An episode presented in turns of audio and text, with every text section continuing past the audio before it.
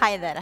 Jeg har gledet meg skikkelig til å skulle dele noen tanker med dere nå i avslutningen av denne taleserien og helt på tampen av sesongen. For vi har som dere vet, disse tre søndagene snakket om hvordan vi leser Bibelen. Og Der finnes ikke en én riktig måte å lese på, men vi tror likevel at det kan være til hjelp med noen prinsipper for lesningen. Både når vi leser for vår personlige del, og når vi skal arbeide mer sånn systematisk og teologisk med tekstene. Så her er syv prinsipper som eh, vi tenker kan være fine å følge. Det første det er at vi leser Bibelen som en disippel. Vi tror at Bibelen er inspirert av Gud, og at Ånden viser oss hvordan vi skal forstå den og leve etter den. Så leser vi Bibelen med ydmykhet fordi den er øverste autoritet for liv og lære. Og Det innebærer også at vi er ydmyke i forhold til vår tolkning. Eh, at den aldri er fullkommen, men at det er en stadig fordypning.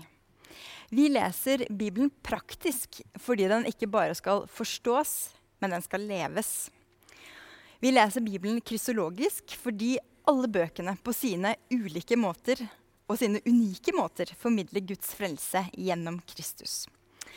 Vi leser Bibelen kontekstuelt ved at vi spør hvem var den første tilhører, og hva var det de første som leste ordene? Hva var det de egentlig hørte? Deretter så stiller vi oss dette spennende og store spørsmålet hva betyr dette for oss, da? Så leser vi Bibelen helhetlig ved at vi tolker de uklare stedene i lys av de klare, og det perifere, perifere i lys av det sentrale budskapet. Vi leser Bibelen sammen, i både tid og i rom, med ulike kirker som befinner seg i ulike tradisjoner og på ulike steder. Vi leser sammen med kristne gjennom kirkens lange historie.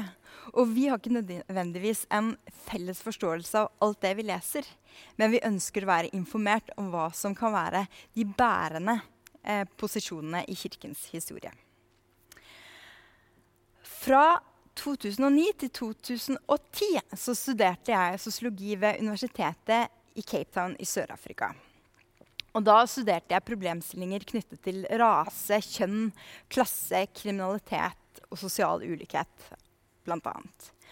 Og fagene i seg selv, altså isolert i klasserommet og i forelesningssalen, var jo utrolig interessant. Men det aller beste det var at pensumet levde utenfor klasserommet. Idet jeg gikk ut fra campus eller ut av leiligheten som jeg bodde i, så hadde tekstene materialisert seg. Det var kropper, det var holdninger, og det var levd liv. Som ikke var dette pensumet eller denne boka, men som plutselig var blitt livet mitt. Og det er dette bibellesning er for meg. Altså Den store fortellingen som tegnes i de ulike bøkene, fra første Mosebok til Johannes' åpenbaring, det er mer enn blekk på papir. Det forteller om en virkelighet som er sann, helt uavhengig av meg, for å være ærlig, og hva jeg måtte mene om det. Akkurat som f.eks. at Jesus sier at det, sannheten vil sette dere fri. Du kan tro på det eller ikke, men det er likevel sant. Gåtefullt, ja, men like fullt virkelig. Og I dag så skal jeg da forsøke å si noe om eh, noen av de prinsippene som vi så på lista her i stad. Og jeg tenkte at vi skal se på det her med å lese Bibelen helhetlig, sammen og med ydmykhet. Fordi vi tror at Bibelen den eh, gir oss Guds ord inn i livene våre. Derfor er linjene, ordene og fortellingene de er mat. De er mat for oss. De gir næring til den delen av livene våre som ikke noe annet i verden kan mette. Det som stilner oss, det kommer fra Gud. Og Bibelen hjelper oss til å smake og til å gjenkjenne den kraften fordi det er det det er. Kraft. Kraft til å leve et helere og modigere liv.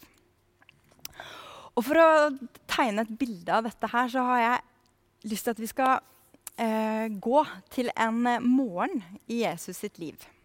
Og det er eh, Den er forfattet av disippelen Johannes. Og teksten finner du hovedsakelig i kapittel 8 i hans evangelium om Jesus Kristus. Jesus hadde gjort seg bemerket blant eh, jødene som mente at de kjente Skriftene ekstra godt, og som var i overkant opptatt av rett og galt. Rett og galt. Dagen før så hadde overprestene og fariseerne sendt soldater for å pågripe Jesus mens han, mens han underviste. Men soldatene hadde kommet tomhendt tilbake. For de visste, altså de visste, veldig godt hva som var ordren. Men de var overhodet ikke forberedt på ordene hans. For Jesus hadde fylt lungene med luft, og bildet de tatt liksom brøytet seg plass. Og ropt ut, 'Den av dere som er tørst, kom til meg og drikk.' Den som tror på meg, fra hans indre skal det, som Skriften sier, renne elver av levende vann. I referatet som Johannes har skrevet, så legger han til denne viktige presiseringen og sier dette sa han om ånden de skulle få, de som trodde på han. Jesus han snakket, og irritasjon og fascinasjon den steg i takt. Og vaktene de lot han fortsette å åpne opp. For det var det ordene hans gjorde. De åpnet opp, trakk til seg og puttet sammen. Og de sier Aldri har noe menneske talt slik som han. Det var det de sa da de kom tilbake uten Jesus i lenker. Så ble det kveld. Folk gikk hjem til sitt. Jesus gikk til olje, Oljeberget. Etter natten kom en ny morgen. Jesus hadde gått tilbake til stedet der han slapp dagen før. Og mens byen våkner og strekker seg, så finner Jesus plassen sin på tempelplassen. Og folk kommer én etter én for å lytte. Dagen er fersk, kaffen er fortsatt varm, og plassen den fylles opp. Men så endrer stemningen seg. Det er en desperat kvinnestemme og lyden av morske menn som bryter roen. Denne morgenen hadde hun nemlig tatt og våknet i feil seng. Eller med feil mann. Eller kanskje begge deler. Og det her hadde de skriftlærde fått med seg, og du må ikke spørre meg hvordan de hadde fått med seg det. Men nå er eh, denne kvinnen eller nå er denne kvinnen blitt eh, gitt i som en gyllen mulighet til å teste Jesus sin tekstforståelse. Hun blir brukt som brikke i et større spill. Prekestolen endrer seg helt, og den endrer karakter. Kvinnen er dratt med fremfor Jesus, og de er nå begge to i sentrum for alles oppmerksomhet. De skriftlærde de spør om en tilgjort lydhørhet. Moses ber oss steine kvinner som dette, sånne som henne som bryter ekteskapet. Men hva sier du om dette egentlig? Og nå vil jeg at du skal plassere deg på tempelplassen sammen med dem. Om du ser for deg dette scenarioet, kjenne på den anspente stemningen, frykten hos henne som vet at dette trolig blir hennes siste dag forventningen til hva Jesus skal svare, og hva som kan bli den videre konsekvensen av hans krisehåndtering. Jesus bøyer seg ned til jorden, og så skriver han med en finger på bakken. De skriftlærde synes han bruker i overkant mye tid. Og de fortsetter å spørre og mase og grave. Han reiser seg opp og svarer med disse ordene. Den av dere som er uten synd, kan kaste den første steinen på henne. Om ikke det hadde vært anspent før, kjære tid, nå er det klamt. Jesus bøyer seg ned igjen og fortsetter å drable på bakken. Da de hadde hørt dette, så gikk de bort. Én etter én. De eldste gikk først. Og til slutt var Jesus igjen alene med kvinnen. 'Hvor er de?' spør han. Akkurat som han ikke visste hvor dette her ville ende. Han hadde jo bedt de om å gå på vekten, alle sammen. Den av dere som ikke veier noe som helst, kan kaste stein. Og de selverklærte vektløse hadde flere ganger tatt steinen i hånden, men idet de hadde tatt steinen i hånden og satt seg på dommersetet, så ble jo vekten endret og måtte legge ned steinen igjen. Én etter én hadde de gått bort.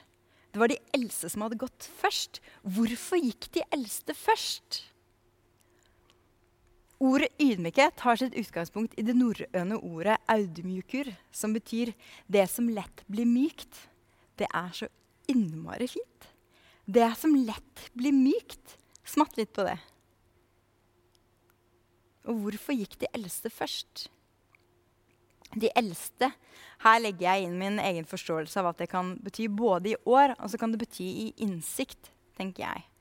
I ungdommen, i det umodne, så har ikke denne kvinnen et ansikt.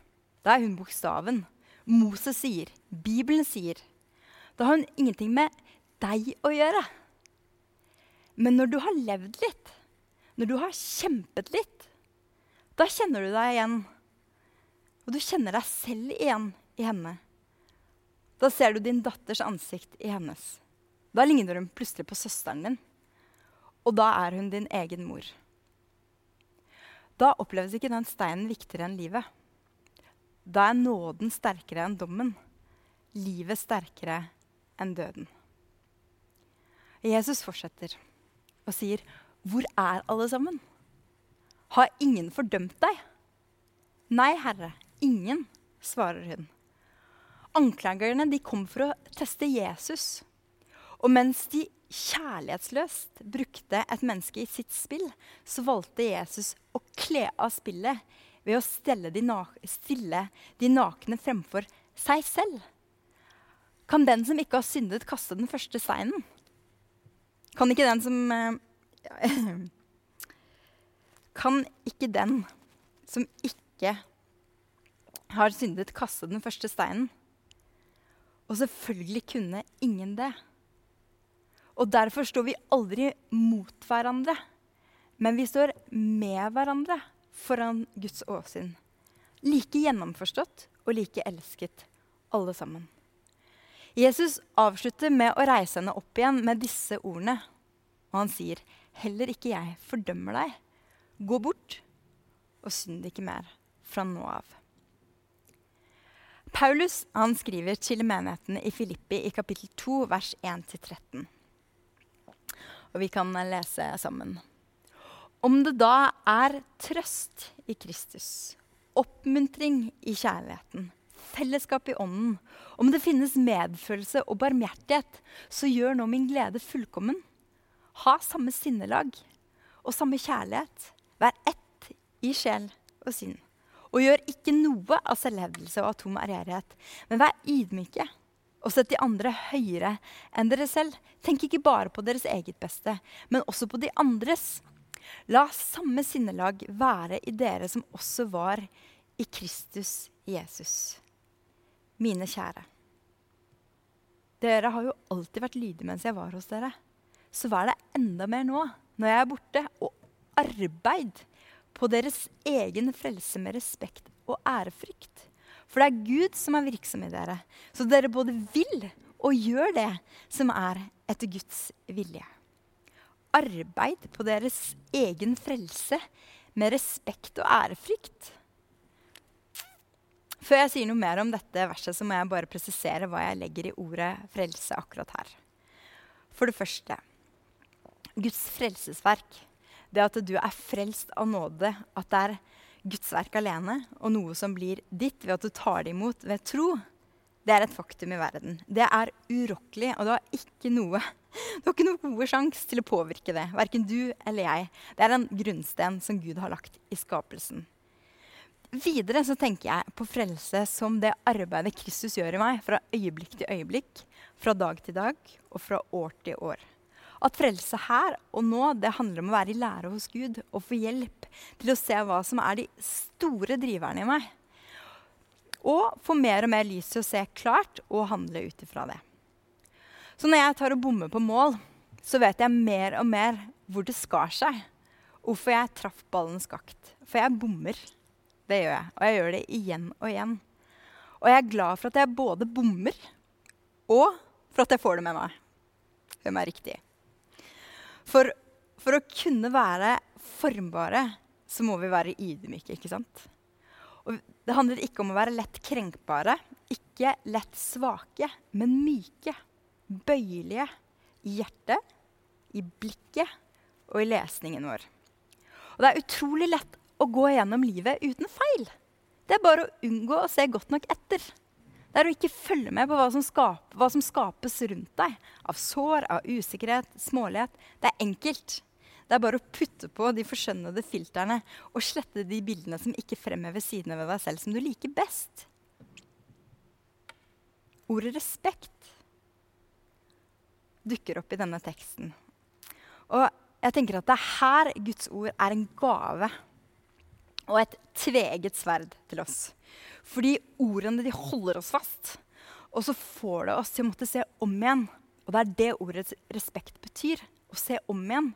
Og Derfor så kan vi ta og lese de samme ordene, de samme linjene, lignelsene, profetiene, poesien, salmene og fortellingene igjen og igjen og igjen.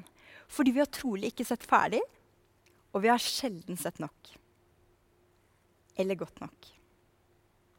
Ånden hjelper oss gjennom ordene til å vite og huske hva som er essensen. For hvis vi har alt, men mangler kjærlighet, da har vi ingenting. Hvis vår tekstforståelse ikke påvirker våre menneskemøter, så må vi se om igjen. Videre så skal vi arbeide på vår frelse med ærefrykt. Jeg er ikke redd for å se på mine egne tilkortkommenheter. Og det har jeg tenkt litt på og landet på at det er fordi jeg ikke er redd for Guds dom. Er ikke det en hoven ting å si? Nei. Det er en kristen ting å si. For hvis handlingene våre i all hovedsak er motivert av frykt for avvisning, av straff og dom, så er det to ting som skjer, tror jeg. For det første så blir vi redde. Vi blir redde for å feile, redde for å forsøke, redde for å våge. Og hva er det vi, er det vi sier sånn på folkemunne? Vi sier å bli stiv av skrekk, sier vi. Når livet leves ut ifra dette bildet, så blir det stivt, og det blir hardt. Og det som er stivt, det klarer ikke å formes. Og for det andre, når alt kommer til alt, så handler dette livet som vi lever, det handler om å formes til hans bilde. Og vårt dypeste kall det er å vokse i nåden og i kjennskap til vår Herre og Frelser Jesus Kristus. Da siterte jeg 2. Peters brev, kapittel 3, vers 18. Og da må vi være myke nok. Vi må være myke nok til at Guds varme når inn til oss. Fordi det er også eneste veien til selv å kunne bli formidlere av Guds nåde og sannhet. Kvinnen som blir plassert foran Jesus, hun får høre 'Heller ikke jeg fordømmer deg'. Og jeg har tenkt at det, de ordene der, de skaper ikke sløvhet. Men de nærer og fyrer oppunder ærefrykten for Gud og for livet. Og det alvoret som ligger i at vi selv forvalter dagene og konsekvensene av våre valg. Videre så får hun høre 'gå hjem igjen' og ikke synd mer fra nå av. Det er frihet i å slippe å svikte, og det er frihet i å slippe å dømme. Dette avsnittet som jeg har snakket om i dag, i Bibelen så har det fått eh, navnet 'Kvinnen som ble grepet i ekteskapsbrudd'. heter det avsnittet. Men er det det denne fortellingen egentlig handler om? Kvinnen som ble grepet i ekteskapsbrudd. Det er liksom tabloid. Det er en spenstig overskrift. Men det store miraklet og det store forbildet finner vi jo hos mennene som etter én setning fra Herren tar og legger ned steinene det er det denne fortellingen virkelig handler om. Og akkurat det scenarioet der, folkens, det er tidløst. Det er likt alle. Alle. Tid og rom. Ulike nasjoner, ulike verdensdeler. Det forener oss, det som skjedde der. Og det gjør også at vi alle kan velge hvordan vi vil møte Kristus i møte med en ny dag. Enten for å lytte og lære, eller for å peke finger og felle dom.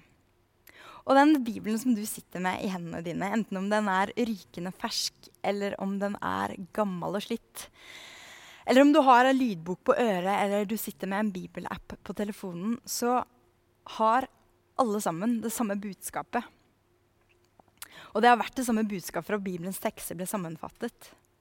Men akkurat som en elv som renner nedover, så er den aldri konstant. Og heller ikke er vårt møte med de samme ordene konstante.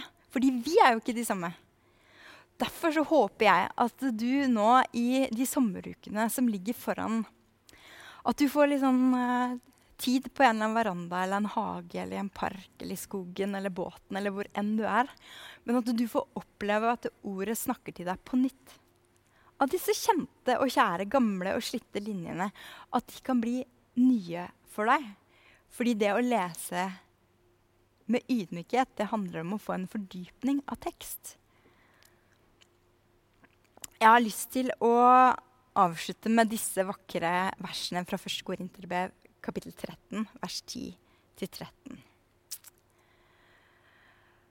For vi forstår stykkevis, og vi taler stykkevis.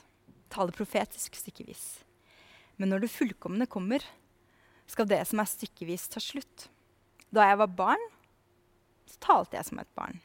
Tenkte jeg som et barn. Forsto jeg som et barn. Men da jeg ble voksen, så la jeg av det barnslige. Nå så ser vi et speil. I en gåte. Da så skal vi se ansikt til ansikt. Nå forstår jeg stykkevis. Da skal jeg erkjenne fullt ut, slik Gud kjenner meg fullt ut.